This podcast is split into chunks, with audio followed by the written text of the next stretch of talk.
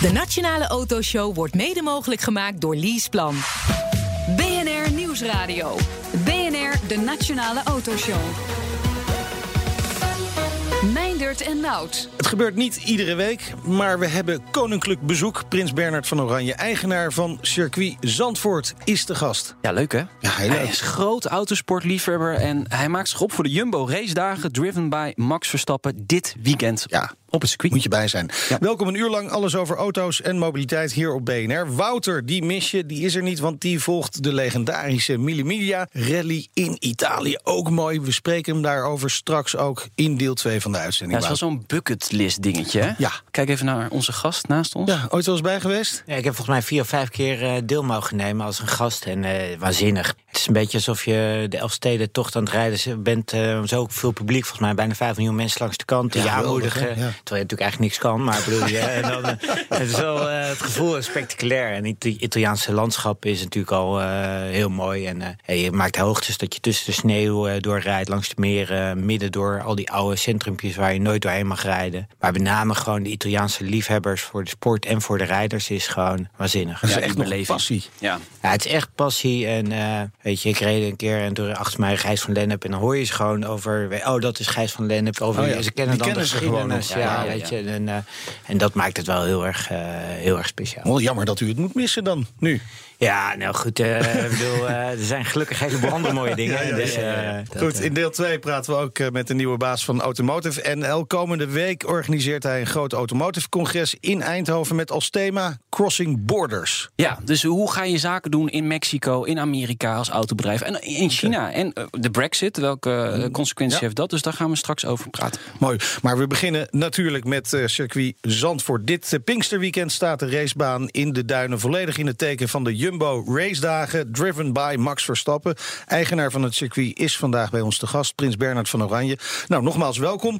Fijn dat u tijd kon vrijmaken in deze drukke dagen... kan ik me voor zo voorstellen. Want het zijn drukke dagen zo vlak voor die, die race dagen... kan ik me voorstellen. Ja, het is echt bizar. We hebben natuurlijk ook voor het eerst echt een wereldkampioenschap eh tourwagens, een WTCR erbij. En die komen nog echt met last minute allemaal eisen en vragen. En, eh, ja, en zo'n druk programma op de baan en naast de baan. En eh, dat vereist het hele team eh, staat echt, is heel hard aan het werk om dit mogelijk te Is maken. dit het grootste evenement van het jaar? Nou, ik denk dat dit wel het grootste evenement is wat we de laatste, denk ik, 30 jaar hebben gehad. Qua aanbod, qua rijders, eh, qua eh, spektakel eromheen. Ja, ik denk wel het mooiste wat de afgelopen 30 jaar op eh, het circuit heeft plaatsgevonden, gaat dit eh, weekend eh, gebeuren. Wat voor last-minute eisen komen er dan nog op het pad? Ja, ze, ze hebben echt van alle soorten wijzen. Maar eentje er was dat ze dan iets ten aanzien van het ambulances... of eh, dat het bepaalde type auto's moesten zijn... terwijl we al drie weken van tevoren hadden eh, gezegd wat het was... en je krijgt Ja, ja. geen reacties Ja, op. En, en dan zegt ze, ja, we willen het binnen vier dagen weten... en dan stuur je een reply en dan krijg je een out of office terug. Dus ze zijn niet allemaal eh, even professioneel... als je soms verwacht dat ze zouden zijn. Maar nemen ze het circuit eigenlijk een beetje over? Nee, nee, dat valt reuze mee. We hebben natuurlijk wel ook een live verslag via Eurosport van natuurlijk zo'n klas. Dus ze hebben zeker, het is natuurlijk een eh, wereldkampioenschap wat eh, live wordt uitgezonden. Dus er komt eh, organisatorisch voor zulke zaken natuurlijk wel wat bij kijken. DTM, die Duitsers, die zijn wel heel streng, hè? Ja, de DTM, eh, die nemen, die, de Duitsers nemen het circuit wel een beetje. Ja, ja. Goed, straks gaan we meer praten over de racedagen. Maar laten we het eerst even hebben over uw eigen passie voor de autosport. Hoe is die ontstaan? Zou ik kunnen zeggen, it runs in the family? Zeker, mijn vader houdt ook erg van, van, van auto's. Ja, die vroeger volgens mij ook wel Scheveningen, Luxemburg, Scheveningen rally gereden. Maar op zich zijn wij daar niet echt mee opgegroeid. Maar we hebben alle, ja, eigenlijk alle broers hebben wel eh, een passie eh, voor auto's. En ik, eh, ik ook. Bent u zelf ook nog echt vaak actief op de baan? Want eh, ja, er zijn niet heel veel mensen die kunnen zeggen dat ze een eigen racebaan hebben. Nou ja, sinds... eh, nee, nee, nee, Moet kunnen, toch? Nou, ja. Nee, dat, eh, nee, het mooie van het eh, circuit eh, is dat we bijna, eh, zeker in de, bijna 75% van de, de tijd, is gewoon de baan bezet. Met allemaal verschillende raceklasses, met incentives, zelfs hardloopwedstrijden, caravan, eh dingers. Eh, dus eigenlijk, de baan is eh, in deze dagen bijna vol bezet. Nou, een rondje in de nacht moet toch kunnen? Ja, maar dan wordt het wel op de fiets. Dat is ook heel mooi. elektrische fiets dan. En dit weekend tijdens de racedagen zelf? Ja, nou, we hebben de, bij het wereldkampioenschap bij Tourwagens eh, heb ik een wildcard gekregen om mee te kunnen doen. Dus eh, dat is waanzinnig natuurlijk om eh, in dit mooie kampioenschap mee te kunnen rijden. En rijdt u dan nog een beetje een, een duik in een pakje boter? Nou, dat kan ik ik, nou, dat kan ik dinsdag vertellen. Nou, kijk, ik ben een amateur en daar rijden acht oud-wereldkampioen mee. En de lot ligt daar zo hoog. En het is ook nog een keer een voorwiel aangedreven auto. En ik race normaal een acht uur aangedreven auto's. Dus, maar het is sowieso een spektakel om daar natuurlijk tussen te kunnen rijden. Ja, maar u heeft, heeft al best wel wat klasses gehad. Hè? Is er nog een droom? U heeft ook het voorprogramma van de 24 uur van Le Mans gereden, maar nog niet de echte race. Dus is dat, is dat een droom om dat ooit te doen? Nou, ik denk uh, zeker de 24 uur van Le Mans is uh, absoluut een droom om daar uh, aan deel te nemen. Ook vond, ik, was gewoon een keer als bezoeker geweest, maar ook met het voorprogramma mee te mogen rijden met Jan Lammers. Ja, gewoon de sfeer daar is ook echt fenomenaal. hoe mensen daar het auto-spektakel zien. En natuurlijk is het ook om te rijden met die 13, wat is het, 13,1 kilometer ja. baan is ook ongelooflijk uh, gaaf. En nou, dan gaat een supermarktbaas weer meedoen, hè? Dus, ja? Uh, en naamgever van uh, de race dagen. Dus wie weet. Ja, nee, ik ga zeker bij Frits nog even lobbyen. Sinds februari 2016, nu dik twee jaar, bent u samen met zakenpartner Menno de Jong de eigenaar van het circuit Zandvoort. Die overname kwam toen best als een verrassing voor velen. Waarom kocht u dat circuit? Want eigenlijk op dat moment, ja, bijna niemand gaf daar een cent voor? Eigenlijk zouden we het in 2012 eh, overnemen. En um, ja, toen ben ik zelf uh, ziek geworden. Is mhm. het in de ijskast geweest. En de, de eigenaar heeft het in plaats van het gewoon uh, weer te verkopen... heeft gezegd ik wacht wel om, om, te kijken wat er gebeurt. En daarna zijn we de, de gesprekken weer verder opgestart. Maar ik denk dat een circuit heeft heel veel potentie. Het is natuurlijk een plek waar we nog kunnen ontwikkelen. Kan een hotel komen. Maar ook als evenementenlocatie zien we dat het enorme aanstrekkingskracht hebben. We verschillende plekken waar je kan vergaderen. je kan natuurlijk heel veel meer activiteiten daar ontplooien. We hebben een mountainbike, uh, mountainbike tracker omheen. We hebben ook een beachclub erbij. Dus je kan ook voor bedrijven incentives op het strand doen, op het circuit. Dus ja, er is nog heel veel uh, mogelijk. Ja, vanuit die gedachte uh, was het een mooie kans om, denk ik, toch wel dit unieke object in Nederland te kunnen kopen. Nou, u, u, zag de potentie waar uh, misschien anderen hem niet zagen. Want in welke staat uh, ontving u het circuit? Ik denk dat het team het circuit goed uh, in leven heeft gehouden. Natuurlijk in, in, in het hele automotive en we hebben een behoorlijke crisis gehad. Ja, het, lag echt op zijn gat natuurlijk. maar goed, ze hebben, het bedrijf was winstgevend. Ja. en, dus ze hebben dat goed overeind gehouden. En natuurlijk, nu is autosport en het circuit weer hot ja, dat geeft ook weer veel meer mogelijkheden om er op een andere manier in te investeren. En dat hebben we, denk ik wel, het was natuurlijk wel, uh, ja, wel wat achterstallig onderhoud. En uh, goed, en dat uh, hebben we denk ik nu de afgelopen twee jaar behoorlijk weggewerkt. Ja, want u zegt, het maakt de winst nog altijd. Is dat, of, want je bent natuurlijk ook vol in het investeren natuurlijk. Ja, nee, zeker. Het is een winstgevend bedrijf. We hebben nou een heleboel zaken erbij gedaan. Nieuwe partnerships. we hebben een restaurant op het circuit wat ja. open is met Burnies. Uh, de beachclub erbij. Nieuw asfalt, nieuwe naam, nieuw logo. Dus ja, er, er is superveel gebeurd. Ook in de evenementen geïnvesteerd. En ik denk dat ook uh, dit komend weekend is natuurlijk daar een voorbeeld van. Want ja, al die raceklasses, uh, ook op maandag en doen daar in de Supercar Challenge geloof ik bijna 70 auto's gaan aan de start. En dus we hebben in het programma's, maar in, in, in eigenlijk in alle alles inderdaad wel geïnvesteerd. Maar je ziet ook wel dat, eh, nou, bijvoorbeeld op zondag zijn we al helemaal uitverkocht. Je ziet ook wel dat het een enorme aantrekkingskracht heeft gekregen, alle evenementen. Als er wordt uitgebreid, dan komen er ook meer mensen op af. Die moeten ook ergens overnachten. Kan natuurlijk ergens in de omgeving, Amsterdam bijvoorbeeld. Maar ja, palt ook uit. Er wordt wel gesproken over de komst van nieuwe hotels rondom het circuit. Klopt dat? Op zich hebben we een vergunning om daar uiteindelijk een hotel te kunnen bouwen. Dus uh, dat zit zeker in de, de plannen. Maar goed, we hebben, we hebben inderdaad gezegd van we pakken wel iedere stap op zijn tijd. We zijn begonnen gewoon om in de basis uh, in de events in het, als eventlocatie ook neer te kunnen zetten. En de volgende stap uh, zou kunnen zijn om dat verder te ontwikkelen. Ik denk wel dat, dat we wel een heel mooi achterland hebben met Amsterdam en en met Haarlem. En dus er zijn natuurlijk heel veel hotelcapaciteit is er in de omgeving. En we zijn ook per trein bereikbaar. Dus het is niet een must, maar ik denk dat daar wel potentie voor is. Heel veel uh, evenementenlocaties. We hebben het ook over uh, het Muiderslot bijvoorbeeld. Dus Amsterdam Castle. ja. moet die naam van Amsterdam er eigenlijk aan, aan toegevoegd worden op termijn? Zou dat een goede zaak zijn? Nou, Zandvoort heeft dat natuurlijk al gedaan. Hè. Zandvoort heeft eigenlijk Amsterdam Beach in die zin ook ge, ge, al geclaimd als gemeente. Feitelijk is dat natuurlijk ook ook zo. Als je natuurlijk in een andere stad zit en je zou 20 kilometer ergens naartoe moet gaan, dan eh, denk je van, eh, dan, ben je, dan ben je halverwege de stad en bij ons ben je dan al bij het strand. En dan denk je dat je een andere wereld bent. Ja. Dus, eh, nee, dus ik denk dat het een, eh, zeker voor eh, de toeristen een, een, een, een, een goede claim is. Ik denk voor de Nederlanders zelf wel weten dat. eh, Maar voor de internationale uitstraling van het circuit. Amsterdam helpt natuurlijk. Het heeft een enorme aantrekkingskracht. Dus daarvoor helpt het. En eh, ik denk dat bijna niemand beseft hoe dicht wij bij de zee liggen. En Nee. Dat maakt het circuit ook zo bijzonder. Want ja, we zijn het enige duinencircuit eh, ter wereld wat zo dicht bij de zee ligt. En eigenlijk, eh, ik heb hem heel veel jaren Europees ook gereden. Ja, bijna geen één circuit ligt zo mooi bij een dichte stad, dicht bij een stad. Hè. Als je bij eh, weet ik veel, de Hungaroring gaat rijden, dan ben je drie kwartier aan het rijden Ja. om eh, in Boedapest te zitten. En ja, dus dit is wel heel speciaal. En ik denk dat een heleboel buitenlanders dat eh, nog absoluut niet beseffen. Maar is dat een overweging dan inderdaad om het eh, in de toekomst Amsterdam Circuit eh, eh, Park Zandvoort te gaan noemen? Bijvoorbeeld? Nee, nee, nee. Ik denk, we hebben de naam, we hebben het park eraf gehaald en het is circuit Zandvoort. En eh, Ja. nee, daar zit zo'n waanzinnige geschiedenis aan. Dus we zullen de naam niet... eh, En daar kan Koninklijk voor, hè? Koninklijk Circuit Zandvoort. Hey. dat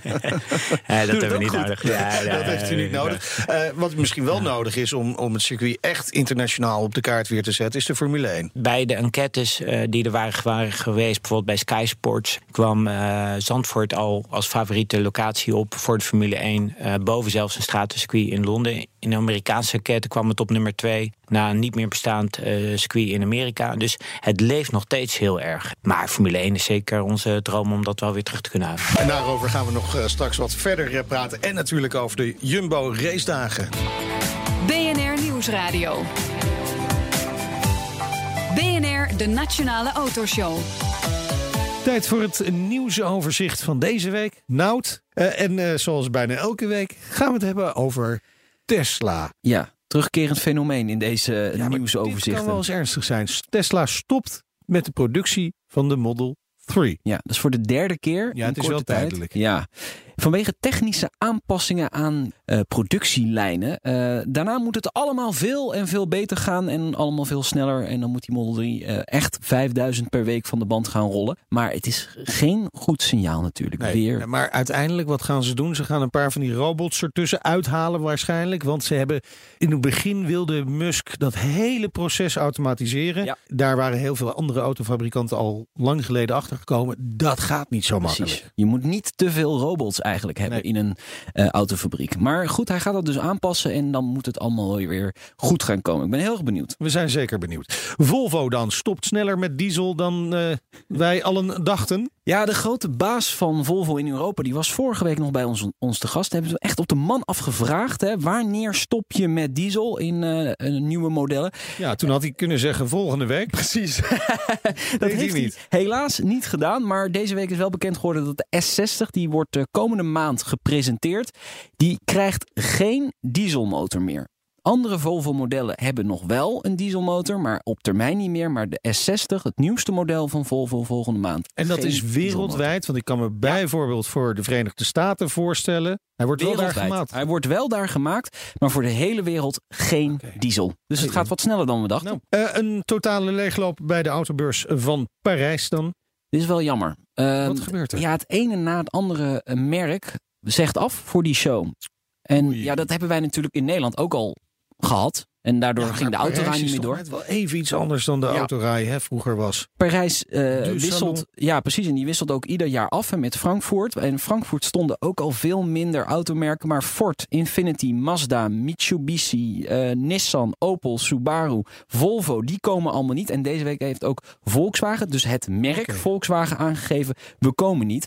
Dus eh Maar die, Seat die komt eerste wel. merken die je noemde, die hadden al eerder een beetje besloten om een andere strategie te gaan volgen. Ja, Volkswagen is wel een beetje nieuw. Ja, Volkswagen is wel voor de eerste keer dat zij nu zeggen op een groot platform zijn wij niet aanwezig. Maar goed, eh, Seat, Skoda, die komen allemaal wel van die groep. En Porsche waarschijnlijk ook. Maar of Bentley, Lamborghini en Bugatti komen, Ja. dat weten we niet. Dan naar het allerpopulairste Volkswagen product van het afgelopen jaar. En dat, ja, je, je begint er te lachen, Ja. maar voor mij is het geen verrassing, want het is al jaren op rij zo. Ja. De curryworst. De curryworst. Ja. Bijna 7 miljoen curryworsten vorig jaar. Hoppa. Verkrijgbaar in de bedrijfskantines van de fabrieken van eh, Volkswagen.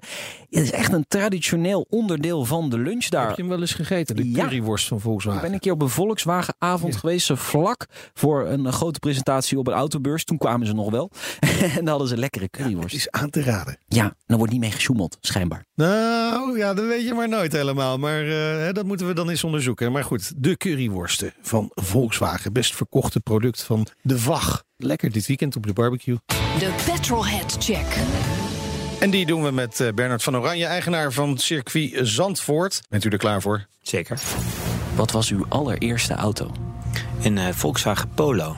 Dat is een mooi begin. Ja. Bescheiden, maar wat, wat zat er voor motor in? Was het een beetje... Ja, nee, het was eigenlijk een auto die van de sloop kwam. En die hebben we net weer goedgekeurd gekregen.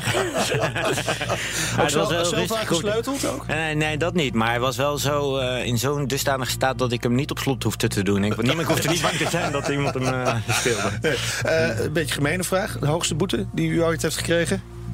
Nou, dat valt eh, ja, ik denk 300 euro. Oh. U rijdt alleen hard op circuit. Ja, oh, ja op, de, op de snelweg kan je toch helemaal niet eens hard Nee, rijden. dat is er. naar Duitsland gaan. Hè, daar Ja. kan het. Eh, inderdaad. Eh, de Steeds minder ook trouwens. Ja, dat is wel jammer. Eh, de reële droomauto. Een goede zak met geld, wat zou u dan kopen? Ja, kijk, ik vind uiteindelijk ultieme rijdersauto's superleuk. Dus ik vind eh, bijvoorbeeld een eh, Alfa Romeo 4C een superleuke auto. Ja. Gewoon eh, eigenlijk... eh, Zonder stuurbekrachtiging. Zonder stuurbekrachtiging, je hoort die turbo eh, fluit achter Ja. je rug. Eh, ja, dus dat vind ik zeker een, eh, een mooi autootje. Ik vind eigenlijk alle auto's die niet perfect zijn het leukste. Kijk, mooi. Komen we tot het, eh, het slotakkoord. Ja, uitmuntend vind ik. Uitmuntend. Komt ie, vooruit. Doen we dat gewoon. Ja, precies. Dat was de Petrolhead Check met eh, de eigenaar van circuit Zandvoort, Bernard van Oranje. Circuit Zandvoort organiseert dit Pinksterweekend de Jumbo Race Dagen. Driven by Max Verstappen moeten we er dan bij zetten. Is dat zo belangrijk dat zijn naam eraan verbonden is?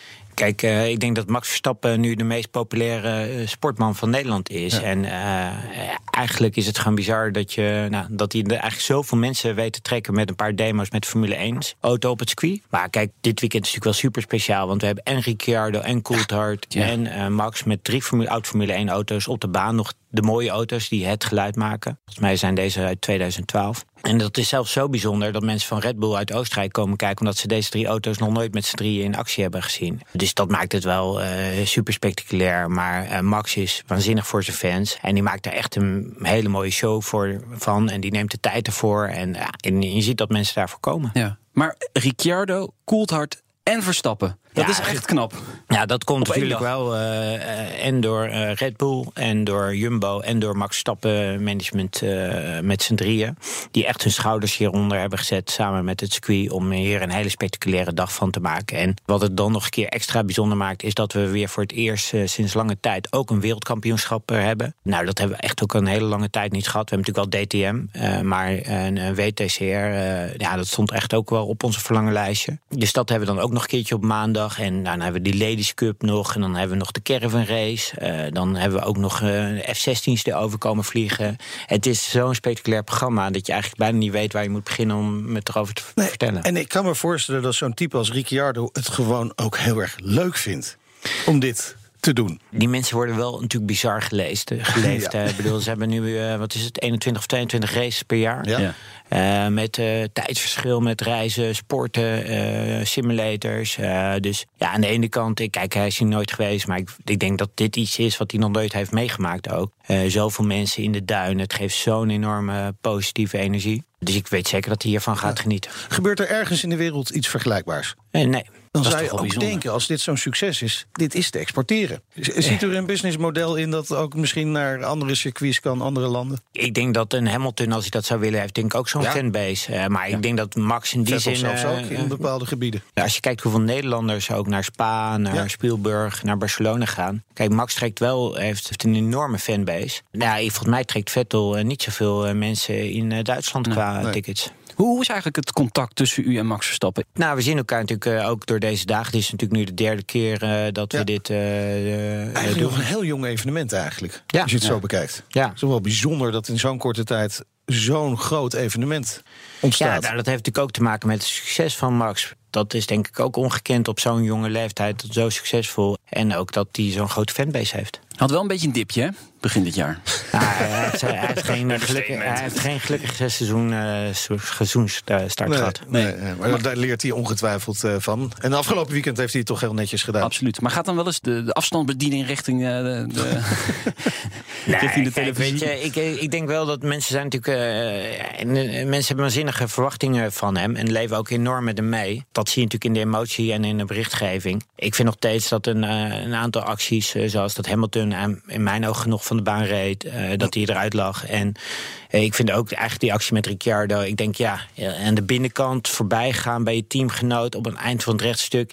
Ik weet niet, ik denk niet dat we alles max moeten aanreiken. Alleen natuurlijk, als het iedereen eh, heeft zulke hoge verwachtingen, dat Ja. je daardoor ook gewoon natuurlijk snel eh, teleurgesteld bent. Ja, het lijkt wel alsof wij als fans net zo ongeduldig zijn als hij zelf, of misschien nog wel meer. Daar- Daar komt het een beetje op neer. Hoeveel mensen komen er Pinksterweekend? Nou, ik denk dat we wel zo'n 120.000 man eh, verwachten. We hebben natuurlijk al op zaterdag eh, mooie races waar mensen tickets voor kunnen kopen. En op zondag is het uitverkocht. En op maandag hebben we nog eh, tickets eh, dan eh, te koop. Maar ja, zo druk hebben we het een tijd natuurlijk niet gehad. Ik zou zeker adviseren om met de fiets of met de trein te komen. Ja, want dat is wel een puntje ja. natuurlijk, hè, die infrastructuur. Daar gaat het eigenlijk altijd over, als het over het circuit Zandvoort gaat. Nou, het is een geliefd eh, onderwerp, maar... eh, We willen kijk, iets te eh, zeuren hebben als Nederlanders. Nou, kijk, tuurlijk, als, als het zoveel mensen trekt, dan heb je files. dat heb je Ja. ook bij de Arena. Maar volgens mij komen er bijna 7 miljoen mensen naar het strand door het jaar heen. Dus op zich een evenement, als je in een weekend 100.000 man trekt... of 120.000 man, is dat niet, zijn dat geen bizarre aantallen. En we hebben natuurlijk wel dubbele trein inzet. En uiteindelijk kan je, net zoals bij ieder groot evenement... dat, dat doen we nog niet eens, is dat je op afstand kan parkeren. En in het hele gebied zijn daar natuurlijk heel... eh in Spaarnwoude hebben, is er natuurlijk een track record van hele grote evenementen. Eh, dus ja, met drukte krijg je files. Maar ik zou zeggen, 20 kilometer van Amsterdam, kom gewoon op de fiets.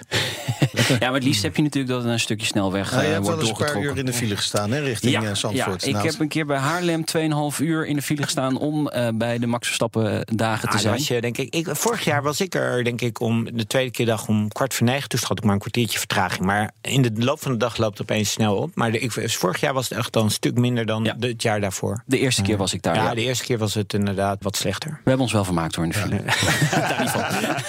Een vraag die natuurlijk echt iedereen bezighoudt... is die Formule 1 terug naar Zandvoort. Kunnen we de Jumbo race dagen beschouwen... omdat het ook een heel groot evenement is... als een ja, toch wel goede generale voor Ja, goed, als de eh, Formule 1 terugkeert? We hebben al eh, drie van, eh, wat zijn het, 18 auto's zijn er al. Dus, eh, Hoeveel hebben een zijn goede start. tegenwoordig? Nog 17. Nog 17 te gaan. Ja, dus, eh, dus eh, nou, ik, ik denk dat, dat we al eerder aangetoond... Vorig jaar hadden we ook klassiek Formule 1 eh, rijden. Ja. dat we aangetoond hebben dat het zeker daarvoor geschikt is. Maar goed, eh, er is heel veel ook internationale concurrentie van eh, mensen eh, die graag Formule 1 naar zich toe willen halen. En uiteindelijk moet je het ook als Nederland willen halen. Want ik bedoel, er zit gewoon een enorm PR-waarde in. En er zit ook een enorme waarde in voor de omgeving qua financiële upside. Nou, die moet je wel met elkaar willen. In november vorig jaar presenteerde u een haalbaarheidsstudie... naar die mogelijke terugkeer van de Formule 1 op het circuit Zandvoort. Toen hebben we u kort ook daarover gesproken. Voor het gemak van onze luisteraar en ook onze eigen geheugen... nog even opfrissen, want het is alweer een half jaar geleden, toch? Wat, wat waren de belangrijkste conclusies? Nou, de belangrijkste conclusies eigenlijk waren dat het op Zandvoort eh, kan. Zeg maar. Is zowel qua logistiek als eh, circuit. Tweede is eh, dat je het waarschijnlijk financieel gezien niet kan... zonder dat je daar ook met subsidie of met de andere grote sponsors aan de slag mee zo eh, kan gaan halen. Ja, en het derde was eigenlijk waar we toen ook terugkwam van... nou, ga kijken om eigenlijk met de FOM, met de Formule 1-organisatie zelf te praten... hoe die er tegenover staan. En dat was dan ook eigenlijk onze vervolgstap. Dus dat is gebeurd. Ja, dat is absoluut gebeurd. We zijn eh, met hun in gesprek. Alleen eh, ze hebben wel duidelijk te kennen gegeven. Ook omdat het in de buurlanden. eh, er wordt druk onderhandeld. Zijn ze met veel plekken. Dus ze hebben gezegd van. Nou, praat er gewoon verder niet over wat de status is. Want dat bemoeilijkt een aantal andere gesprekken misschien Ja. onnodig. Maar dat- Assen doet dat wel, hè? Ja, ik Assen wou is zeggen, super dat is op zich wel bijzonder. eh, dat er vanuit Assen komen heel veel geluiden over die Formule 1 die daar zou komen. Ja, eh, Eventueel.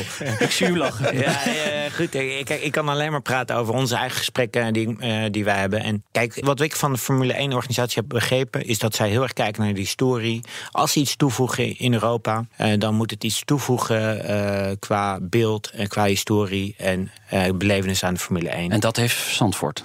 dat heeft Zandvoort. Maar ik ben toch wel benieuwd, want eh, bijvoorbeeld ook in dat onderzoek, hè, dat, die haalbaarheidsstudie, stond bijvoorbeeld de Pitsstraat, die moet naar de andere kant verhuizen. En dan moet een deel van de camping moet opgekocht worden. Zijn die stappen al gezet of wacht u daar dan nog mee? Nou, kijk, het, het mooie wel van de Formule 1 is natuurlijk dat je hebt uh, eisen wat, wat de Formule 1-organisatie in de basis stelt. En dat is op papier.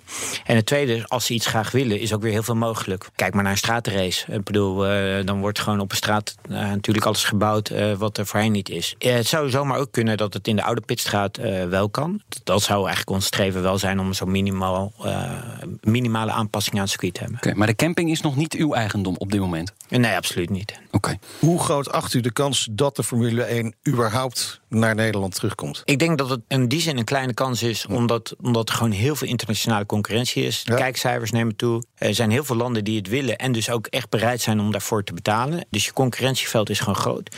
Maar als we het als Nederland willen, dan is het denk ik mogelijk. Toch lijkt het erop dat Liberty Global niet alleen maar naar dat geld kijkt. Of Liberty Media moet ik zeggen. De Amerikaanse ja. eigenaar van de Formule 1. Of, of is dat. Ja, ik denk Te dat ze, rooskleurig van mij eh, gezegd.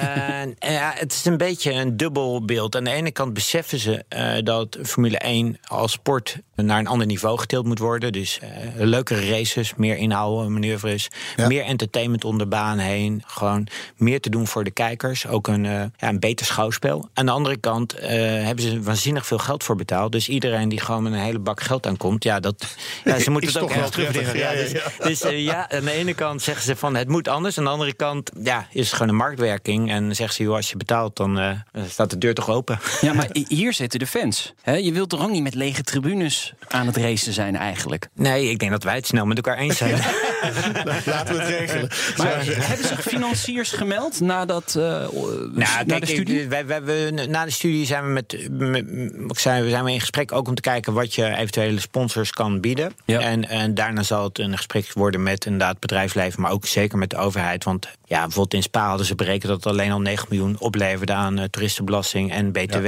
Ja. En dat hebben ze ook in die vorm aan een subsidie teruggekregen. Dus daar is er natuurlijk een bredere business case te maken. Dat laat ook die eh, studie zien die we gedaan hebben. Eh, uiteindelijk zeg maar het grootste gedeelte van de omzet, even los van de PR-waarde, valt in de omgeving. Ja, en ja, daar moet je wel met elkaar iets over kunnen afspreken. Makkelijk is het dus duidelijk niet. Heb, heb je Nee. een soort perfect plaatje nodig, inderdaad? En, en als dat alles puzzelstukjes vallen op de juiste plaats, dan kan het lukken? Er zit een financiële uitdaging, eh, denk ik. En dat is denk ik een hele grote. Want je praat niet alleen over de fee. Je hebt de organisatiekosten en alles wat erbij komt kijken. Ik bedoel, het is natuurlijk wel een circus wat echt letterlijk je circuit overneemt. Je hoeft niet eens glasvezels, nemen ze mee. Het is echt waanzinnig wat ze allemaal doen. Eh, ze hebben ook de neiging, als je niet oplet, om ook alle inkomstenstromen naartoe te trekken. Dus, dat eh, is dan weer niet zo'n lekker plaatje. We hebben het over tientallen miljoenen die er nodig zijn. ja, nou, dat zijn we niet aan het uitwerken. Maar is ook Ergens in die orde. Hartelijk dank voor de komst naar de studio. Dit weekend zijn er eh, sowieso natuurlijk Formule 1 auto's te zien in Zandvoort. Drie bij de Jumbo race dagen driven by Max Verstappen. Zijn er nog kaarten eigenlijk? Nou, er zijn kaarten voor zaterdag, wat een waanzinnig raceprogramma is. En voor de maandag, eh, wat ik zei, met hele leuke dingen. De Caravan Race, eh, de Dames Cup. En, op, en dan is de reverse grid. Dus met 17 dames die eigenlijk net een racelicentie hebben gehaald. Die dan omgekeerd gaan rijden. Dus Wauw. het zal gegarandeerd wat schade en... eh, ja, dus dat, het is wordt mooi. eh, de ik zei de Caravan Ca- Race. Caravan de race, dat vind ik ook wel Ja, mooi. Het is een toch beetje- super. Ja. Het is toch mooi? Nostalgie. Toch? Ja, geweldig. Nee, dat wordt mooi. Dus ik zou zeggen, kom nog op maandag of op zaterdag. Dat worden nog twee hele mooie dagen. Heel veel plezier en eh, succes komend weekend. Dank voor de komst naar de studio. Prins Bernard van Oranje, eigenaar van circuit Zandvoort. En zometeen de nieuwe baas van Automotive NL. Ja, en we spreken Wouter vanuit eh, Italië bij die eh, hele mooie rally. Die nog lekker aan zijn espressootje zit te nippen, denk Oh ik. ja, dat denk ik ook. De Nationale Autoshow wordt mede mogelijk gemaakt door Leaseplan. BNR Nieuwsradio. BNR, de Nationale Autoshow. May Meindert en Nout. De Nederlandse automotive sector groeit lekker hard door. De export barst zowat uit zijn voegen. Maar hoe lang duurt dat allemaal nog? Ja, want die uitdagingen in de toekomst die zijn misschien nogal veel groter. Hè. Denk aan importheffingen, denk aan de brexit, veranderingen op de automarkt, elektrisch, autonoom rijden, WLTP en natuurlijk ook nog robotisering. Ja, dat hangt ons allemaal boven het hoofd. Straks gaan wij gewoon lekker ouderwets met auto's rijden. Tenminste, Wouter, die doet dat in Italië. Mille Miglia, legendarische rally door Italië van Brescia naar Rome... en weer terug naar Brescia Oh, om in de sfeer te komen. Ja, zo waan je natuurlijk klein beetje in ziet, Italië. je ziet oh, iemand met zo'n slinger aan die auto. hè? Hoppa, daar gaan we. Zo oud zijn die beestjes wel, die Ja, een aantal wel, ja. Ja, de Mille Miglia. Voor het eerst gehouden in 1927 tot 1957. Toen een heel ernstig ongeluk met dodelijke afloop gebeurd. En ja, het bloed kruipt waar het niet gaan kan. Hè. Italianen gaan toch weer dat terugbrengen. 36e editie sinds de definitieve terugkeer. En Wouter is erbij. Nou, heb je een vraag? Wil je hierover meepraten of over andere zaken? Kan natuurlijk via Twitter. Het BNR Autoshow. En dan komt dit in de uitzending. En dan zullen wij kijken of we die gaan beantwoorden. Ehm, dan gaan we nu eerst naar iets anders. Lange tijd was onze gast directeur Leefomgeving, Mobiliteit en Logistiek bij TNO. Maar hij koos voor een nieuwe uitdaging. Leo Kusters is sinds begin dit jaar directeur bij Automotive NL in Helmond. Gevestigd bij de Automotive Campus. Welkom, leuk dat u er bent. Dankjewel. Uh, Automotive NL is de clusterorganisatie van de Nederlandse automotive sector. Dat lezen we op jullie website. Dat had u zelf ook al gelezen, neem ik aan, Ja, voordat u ja, ja, eh, deze uitdaging aanging. Wist u toen ook al wat dit betekende? Ja, zeker. Eh, Wat wij doen, wij eh, verenigen alle bedrijven in Nederland. eh, en overigens niet alleen bedrijven, maar ook andere organisaties die bezig zijn met innovatie in automotive. Innovatie in automotive is ontzettend belangrijk op dit moment. Ja. Wij eh, verenigen die eh, bedrijven en, en, en proberen samen met, eh, met die bedrijven de belangen eh, op het gebied van automotive in Nederland, automotive eh, in, in Nederland goed neer te zetten. Want dat is nodig. Ja, dat is altijd nodig. eh, zeker ehm, ehm, eh, nu die, dat belang van die innovatie heel erg groot wordt. Je noemde net al, de industrie is, is belangrijk. Het is een grote sector in Nederland. 20 miljard, eh, waarvan het grootste deel, 90% wordt geëxporteerd. Dus stelt echt iets voor. Dus het is belangrijk om die sector het goed te laten doen. En daarnaast heeft die sector ook een hele grote bijdrage bij een aantal maatschappelijke uitdagingen waarvoor staan. Alle problemen die we rond veiligheid in het verkeer kennen. Alle problemen met emissies. Elektrificeren. Hè. We gaan elektrisch rijden eh, in de loop van de tijd. Dat zijn allemaal uitdagingen Ja. waar die industrie zijn tanden echt in moet zetten om vooruit te komen. En het motto is dan: samen staan we sterk. Absoluut. Eh, die- uitdagingen zijn zo groot en het internationale speelveld is zo krachtig dat je echt daar samen in moet optrekken en echt keuzes moet maken van waar probeer ik heel sterk in te zijn en dan kun je inderdaad sterk zijn. Ja, totaal 170 leden. Eh, een paar bekende te noemen. VDL, TomTom, NXP, Tata Steel. Maar ook bijvoorbeeld een eh, producent van automatten. Voor zover je daar innovatie in kunt vinden. Ongetwijfeld. Ja, Hè? Ja heel Een bijzonder. slimme Ja, automat misschien wel. Ik Nout? kende het bedrijf niet, maar volgens mij moeten ze ook een keer uitnodigen. Het is wel heel bijzonder. Want ze leveren een Jaguar en, en, en Land. Rover. Dus dat is wel heel cool. Absoluut. De eh, auto is een hoogtechnologisch eh, product. En, Ja. en zelfs een vloer, vloermat. Nou, eigenlijk elk onderdeel wat je in die auto zit, daar is ontzettend goed over nagedacht. Het is eh, heel degelijk en robuust in het algemeen en, en betaalbaar. Want Ja. uiteindelijk al die componenten samen, die moeten ervoor zorgen dat we een auto krijgen die wij kunnen Ja. betalen. Maar 170 leden, dan denk ik ook, dan zijn er 170 belangen. Lange. Is dat niet af en toe een beetje lastig om al die kikkers in de pan te houden? Absoluut. Maar aan de andere kant is het ook belangrijk dat je eh, een, een diversiteit aan geluiden eh, hebt. Want je bent continu, de, de, de markt en de wereld is continu in beweging. Die verschillende geluiden zorgen ervoor dat wij met z'n allen alert blijven. Maar aan de andere kant is het ook wel belangrijk dat je op een bepaald moment stappen vooruit gaat zetten en, en keuzes maakt. Daar heb je echt zo'n zo'n vereniging, zo'n coöperatie voor nodig. Om samen ook bepaalde keuzes te eh, maken. Waar, waar ga ik nou echt hard in lopen? Ja, want het zijn natuurlijk eigenlijk vooral toeleveranciers. Hè? Want Absoluut. in Nederland worden. Nou ja, er worden wel auto's gebouwd bij VDL Netcar en bij Donkervoort, maar die zijn geen lid van jullie. Maar dat is natuurlijk maar een handjevol. Hè? Ja, op, op, op wereldschaal is Ja. het een handjevol. Eh, het zijn er toch best veel als je ze, Ja, eh, natuurlijk. als je ze bij elkaar zouden ziet. het zijn er niet heel willen missen, dat is Da- da- inderdaad daar waar. komen, Nee. En het is niet onbelangrijk eh, dat we personenauto's eh, maken. Maar, En waarom eh, is dat belangrijk? Nou, ik, ik, ik denk dat het belangrijk is dat wij een maakindustrie in Nederland hebben. En eh, automotive is echt een zeer hoogwaardige maakindustrie. Ja, maar dat kunnen we ook wel doen zonder uiteindelijk dat eindproduct te maken, toch? Absoluut, dat is zo. Dat is zo. Eh, dus eh, het is, ik denk dat het belangrijker is dat wij die technologie Ja. ontwikkelen en produceren. En die technologie komt tegenwoordig veel al van die toeleveranciers. Dat is eerlijk gezegd be- belangrijker dan de eindassemblage. Maar het feit dat die eindassemblage eh, ehm, bij ons zit, is wel heel heel fijn. En vergeet niet, we hebben ook een aantal bedrijven, zoals bijvoorbeeld Steelweld, die, eh, die leveren eigenlijk productiestraten. Dus die fabrieken in de wereld die auto's maken, Ja. die komen voor een deel uit Nederland. Dus we maken Maar, maar heeft, het, heeft het naast, hè, want het is werkgelegenheid natuurlijk, dat is heel erg prettig dat, dat die minis en eh, BMW's in, in, eh, bij Netcar worden gemaakt. Maar levert het nog iets extra's op waarom we dat zouden moeten willen hebben? Ik wil nog één dingetje eerst zeggen. Wij maken heel veel vrachtauto's in Nederland. Dat is waar. Wij zeggen altijd dat absoluut. we geen assemblageland zijn. Bussen ook trouwens. Wij maken heel veel bussen en vrachtauto's. Ja, Eh, VDL, DAF, DAF. DAF, Ja. Scania, vergeet Ja. Scania niet. Die assembleren in Nederland. En eh, als je dus ons op Europese schaal ziet eh, op het gebied van trucks... dan stellen we echt iets voor. Eh, dus wat dat betreft hoeven we niet te bescheiden te zijn. Ehm, eh, absoluut niet. Maar wat heel belangrijk is, dat we die hele keten hebben... van toeleveranciers tot producenten... is dat die keten aan het opschuiven is. Automotive is niet meer alleen maar auto's maken... maar automotive wordt steeds meer mobiliteit. Al, alle aspecten om, om, om de auto heen, die, die komen bij elkaar. En mobiliteit wordt steeds meer in dienst. Dus in plaats van dat je een auto koopt... ga je steeds meer gebruik maken van eh, andere diensten... zoals het leasen van een auto. Private leases he- heel erg aan opgang. Mobiliteitsoplossingen. Ja, nou, dat Meindert. mag je. Ja. Pas nou op, jongen. Maar, nee, maar dat, dat, dat is natuurlijk waar. En wat we ook eh, zien is dat die autofabrikanten... die hebben we dan niet echt in Nederland op Donkervoort na... maar die autofabrikanten die halen heel veel bij toeleveranciers Absoluut. vandaan. Absoluut. Hoe, hoe groot is het percentage dat, dat ze bij leveranciers vandaan halen... en hoe groot is het percentage dat ze zelf nog ontwikkelen? Ja, ik, ik durf dat zo niet, eh, eh, eh, zo niet te noemen. Maar als je- het ontwikkelen sowieso, denk ik dat het, het, de bulk van wat ontwikkeld wordt, dat dat eh, eh, eh, van toeleveranciers Ja. afkomt. Ehm, ik, ik, ik, als, ik, als ik durf eh, eh, te, te schatten, zou ik zeggen 80% komt van toeleveranciers Ja, en 20%. 80, hè? Ja. Dat is veel. En heel veel veel. gaat ook naar het buitenland, hè? Absoluut. Alles 90, wordt- ja. 90% van wat wij in Nederland produceren gaat naar het buitenland. Zelfs iets meer dan 90%. Waar naartoe? Eh, Duits, Duitsland, Ja. Ja, Duitsland is heel belangrijk. Eh 40, 40, dikke 40% gaat naar Duitsland.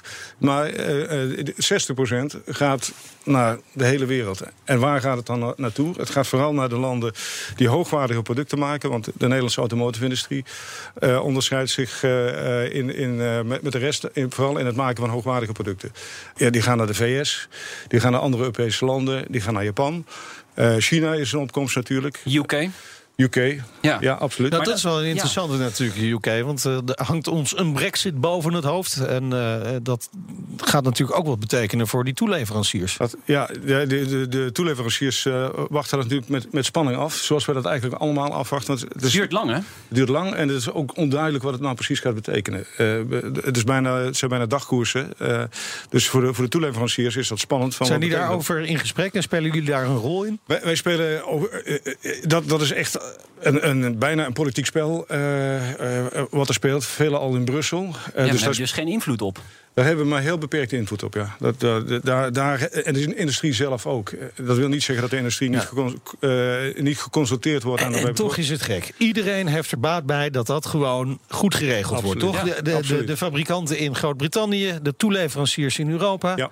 En waarom is het dan toch zo moeilijk? Omdat het een politiek spel is? Als je mij, mijn persoonlijke mening Ja. vraagt over die hele brexit... Dan, dan denk ik dat het, de kans dat die niet gaat plaatsvinden... of op een manier gaat plaatsvinden dat die economisch zeer weinig impact heeft... Heel erg groot is. Ja, Als je kijkt waar het begonnen is... Ja, maar dat is we- natuurlijk precies het probleem. We gaan er wel een beetje weg bij de autosector. Wordt een beetje politiek dit. Eh, op het moment dat je zo'n oplossing zoekt... Ja, dan gaan andere landen ook mogelijk zeggen van... hé, hey, ja, maar als het zonder economische gevolgen kan... dan wil ik er ook wel uit. Ja. ja, Dus Ja. dat gaat nooit gebeuren in Brussel, denk ik dan. Nou, ik denk dat de handelsbelangen aan de, aan de andere kant weer aan, aan twee kanten zo groot Ja. zijn. eh, dat beide kanten het niet zo uit hun handen laten vallen. Ja. Maar Duitsland, Frankrijk, daar eh, veel export daar naartoe. Maar uiteindelijk wil je misschien ook op nieuwe markten actief zijn. Bijvoorbeeld China. Hoe kom je daar binnen? Want daar heb je ook een cultuurverschil natuurlijk. Absoluut, ja. En, en- China, binnenkomen in China is een, is een eh, vanwege cultuur, maar ook vanwege de, de snelheid waarmee je binnenkomt, is een kwestie van lange adem. Overigens, in het buitenland werken is altijd een kwestie van lange adem. Dus eh, vroeg investeren in relatie. En daar spelen wij wel weer een rol in. Innovatie. Eh automotivebedrijven zijn heel vaak technologische bedrijven. Innovatie speelt een grote rol.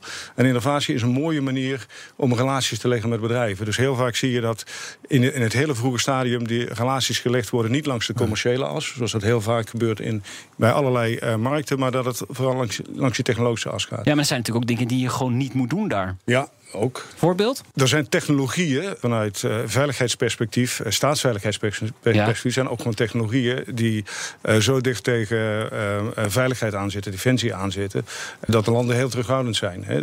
Laat ik een voorbeeld noemen: auto's gaan steeds meer sensoren gebruiken, ja. radartechnologie, dat soort technologie. Dat is technologie waar veel landen terughoudend zullen zijn om met China samen te werken. Op andere gebieden, op het gebied van elektrificeren ja. van auto's, op het gebied van, nou, noem maar op, überhaupt het assembleren van auto's. China heeft enorme groei doorgemaakt in het volume wat ze ja. produceren. Dat is eigenlijk alleen maar mogelijk geweest door westerse technologie te importeren. Fabrikanten die waren vroeger altijd verplicht om een Chinese partner te hebben. Wilden ze überhaupt auto's kunnen produceren of, of verkopen in China? Hoe zit dat met toeleveranciers? Dat is, dat is nog steeds. Uh, ja? Eigenlijk is dat in, in de breedte van de industrie. Dat is niet alleen automotive, dat is alles. Zometeen uh, gaan we verder praten over automotive NL. Gaan we het bijvoorbeeld hebben over personeelstekort. Maar ook over het grote congres dat ze woensdag gaan houden. Met als thema Crossing Borders. En Nout? Ja, we gaan het over de Mili Milia hebben. Wouter rijdt daar mee. In Bella Italia. Bella Italia. BNR Nieuwsradio.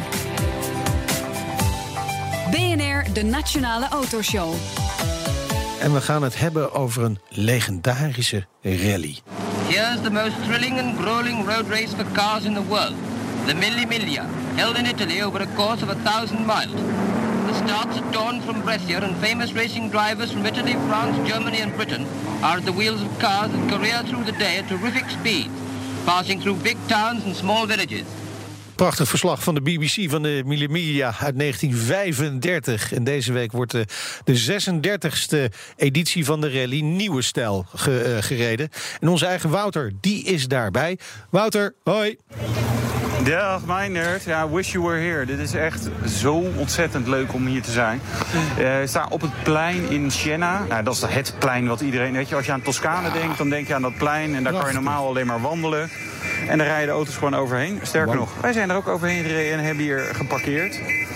Ja, Italianen en auto's. Ja, hier, hier Nederlanders van de, van de equipe van uh, Porsche van Gelderland. Die moeten natuurlijk even toeterend voorbij komen.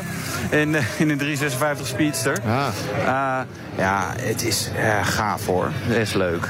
Ja, want je zegt het nu al. Hè? Je mag gewoon op dat plein in Siena komen met die auto's. Ja. Dit is wat de Mille Miglia zo bijzonder maakt. Die passie voor auto's die er bij de Italianen echt nog volledig in zit. Ja, ja, echt. Nou, zoals een van de deelnemers het omschreef. Dit is zeg maar de Gumball, maar dan met politiebegeleiding en met echt dure auto's. En die politiebegeleiding is echt geen geintje. De politiemotoren die rijden gewoon tussen het verkeer door. En dan kan je dan achteraan. En je kan overal door rood rijden en te hard rijden. En die echt dure auto's, ja, dat ook. Hè. Dus zeg maar klassieke Ferraris, klassieke Mercedes. Uh, Zo'n 300 SL Gullwing. De vleugeldeur, nou, daar rijden een stuk of 25 van mee.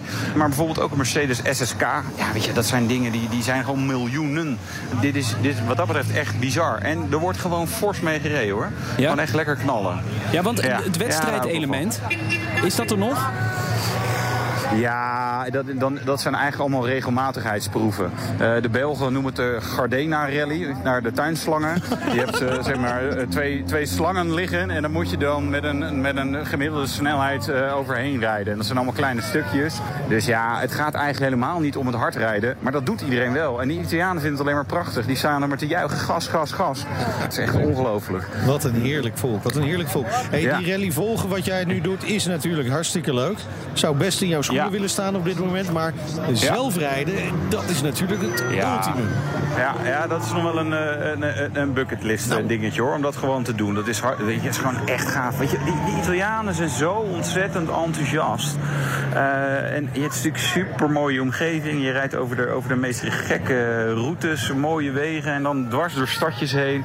En die staan gewoon echt helemaal vol met juichende mensen.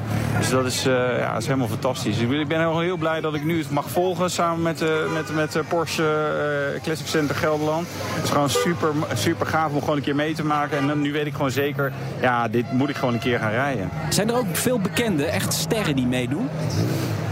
Ja hoor, uh, Walter Rul, Jackie X, Frits van Eert. Als we dan over Nederlandse bekenden hebben, Gijs van Lennep. Ja. Ben ik, we ontdekten nog een Italiaanse rockster, maar daarvan ben ik de naam alweer vergeten. Paolo Conte. Een soort uh, Italiaanse Rob de Nijs. maar uh, Eh, nee, nee, hartstikke veel eh, leuke. eh, eh, Prins eh, Pieter Christian, moet ik, als ik even goed heb. Dus ja, nee, het, het, het, is, een, het is een mooi deelnemersveld. En onze En, eigen eh, Wouter ja, is er mooie auto. ook bij. Eh, geniet lekker van de mooie lekker in het auto's. zonnetje. Het zonnetje, de Nespresso en eh, straks een heerlijk eh, Italiaans eh, wijntje bij een lekkere pasta. En een verslag van de Mille Miglia is natuurlijk ook te zien. Ja, op Autoblog. Ja, we hebben al wat dingetjes gedaan, maar er komen nog wat meer dingen op autoblog.nl. En je bent ook live hè, op Instagram af en toe. Ja, af en toe live op Instagram. En eh, ja, ik gooi er gewoon wat fotootjes eh, en video's tussendoor op. Leuk, we zijn, we zijn er blij mee. Geniet ervan daar, eh, Wouter Karsen. Dankjewel. Vanuit Italië, Siena op het plein daar tussen allemaal schitterende auto's. Hè, ik ben een beetje jaloers. Ja, lekker zeg. Ja, wij zijn lekker, gewoon lekker hier in de studio. Dankjewel Wouter. Volgende week zien we je weer. Hoi. Ja, tot volgende week. BNR Nieuwsradio. BNR, de Nationale Autoshow. En te gast dit half uur Leo Kusters, baas van Automotive NL... de clusterorganisatie van Nederlandse automotive sector... met in totaal 170 leden. Een van de belangrijke eh, eh, punten voor de komende tijd. We gaan steeds meer naar maakindustrie. Gelukkig hebben we dat in Nederland. We zijn een hele grote toeleverancier voor de automotive sector wereldwijd. Personeel is dan wel lastig. Absoluut. En personeel is, is, was altijd al... Niet dat ze vervelend zijn, dat bedoel ik overigens niet. Hè? Nee, nee, nee helemaal, helemaal niet. Maar eh, personeel is ontzettend belangrijk. En Ja. je ziet dat het gemiddelde niveau wat je nodig hebt om nog een auto te kunnen maken, eh, is, is hoger, me- beter opgeleid.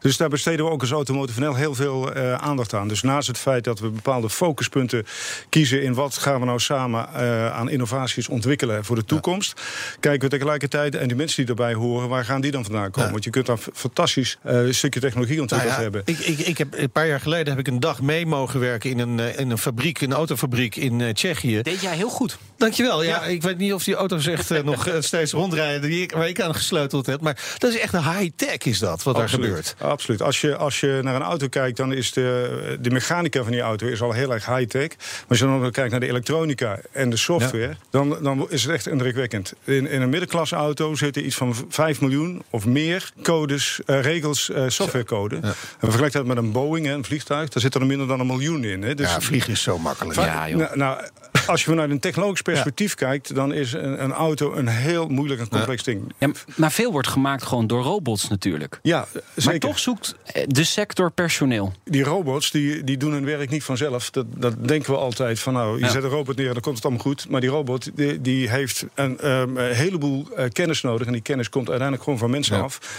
En die moet erin gestopt worden. Kunt u een cijfer erop plakken? Hoeveel personeel zoekt de sector, de automotive Nou ja, sector? ik, ik kan, ik kan eh, een, een cijfer, een actueel cijfer weet ik vanuit de Brainport-regio. De regio in Ja. het zuiden van Nederland waar heel veel, heel veel van de maakindustrie van Nederland zit. En eh, daar wordt naar een verdubbeling van het aantal hoogwaardig opgeleide mensen gestreefd. En een verdubbeling betekent, om je idee, om een idee te geven, een universiteit, eh, technische universiteiten hebben nu, nu vaak 5, 6, 7 eh, duizend studenten. Eigenlijk zou dat eh, moeten verdubbelen eh, voor die hoogtechnologische sector. Nou, voor au- automotive is daar geen uitzondering eh, in. Je kunt je voorstellen, nou, we, we hebben 45.000 mensen werken in onze sector. Eh, stel dat ze allemaal 45 jaar zouden werken, dan zijn er duizend per jaar die eh, eh, natuurlijk afvloeien. Hoe, ga- hoe gaan we dit voor elkaar krijgen? ja, het is, het is een hele grote opdracht. Ja, Ja. Nou, de- we- we- wij, wij, als sector hebben dat eigenlijk al, al jaren geleden ingezien dat dat aan zat te komen. Wij zagen dat wij ja, een sector waren waar die technologie ontzettend belangrijk eh, was en nog meer ging worden. Eh, dus we hebben op de universiteiten, op de hogescholen, hebben we heel veel geïnvesteerd om met name die technische richtingen em, meer eh, te laten groeien. En ook met name automotive daar als onderwerp eh, te hebben. Nou, wie weet dat dat gaat lukken. Eh, Laten we het hopen. Maar het is een behoorlijke uitdaging. In ieder geval aanstaande woensdag ook een mooie uitdaging. En dan organiseert u een groot congres in Eindhoven. Thema is Crossing Borders. Waarom? Crossing borders, ja, dat, dat, dat kun je vanuit me- meerdere perspectieven. Wat ik net al zei, de, de- de auto wordt steeds een, een complex technologisch ding. Software, mechanica, elektronica. Dus waar we traditioneel automotive een, een, relatief kleine technologiebasis hadden, wordt die steeds breder. Dus we moeten over onze eigen grenzen heen. De andere is de markt. Uh, we gaan uh, van een auto verkopen naar een, uh, een auto leasen. Mm -hmm. automotive wordt mobiliteit. Mobiliteit wordt een dienst. Ook daar moeten we over de grenzen van onze commerciële bekende wereld heen gaan stappen. En tenslotte, dat internationale is heel erg belangrijk. We exporteren heel erg veel. kennis moet ook niet alleen uit Nederland komen, maar komt overal vandaan. Dus die grens overgaan, ook in dat perspectief, ja. ontzettend belangrijk. 2020 lijkt uh, vaak een magisch uh, jaartal te worden in de automotive sector. Iedereen heeft het altijd over 2020. Dan gaat de boel uh, veranderen. Hoe ja. ziet u dat? Nou ja, dat hadden we in het jaar 2000 ook, in 2010 ook.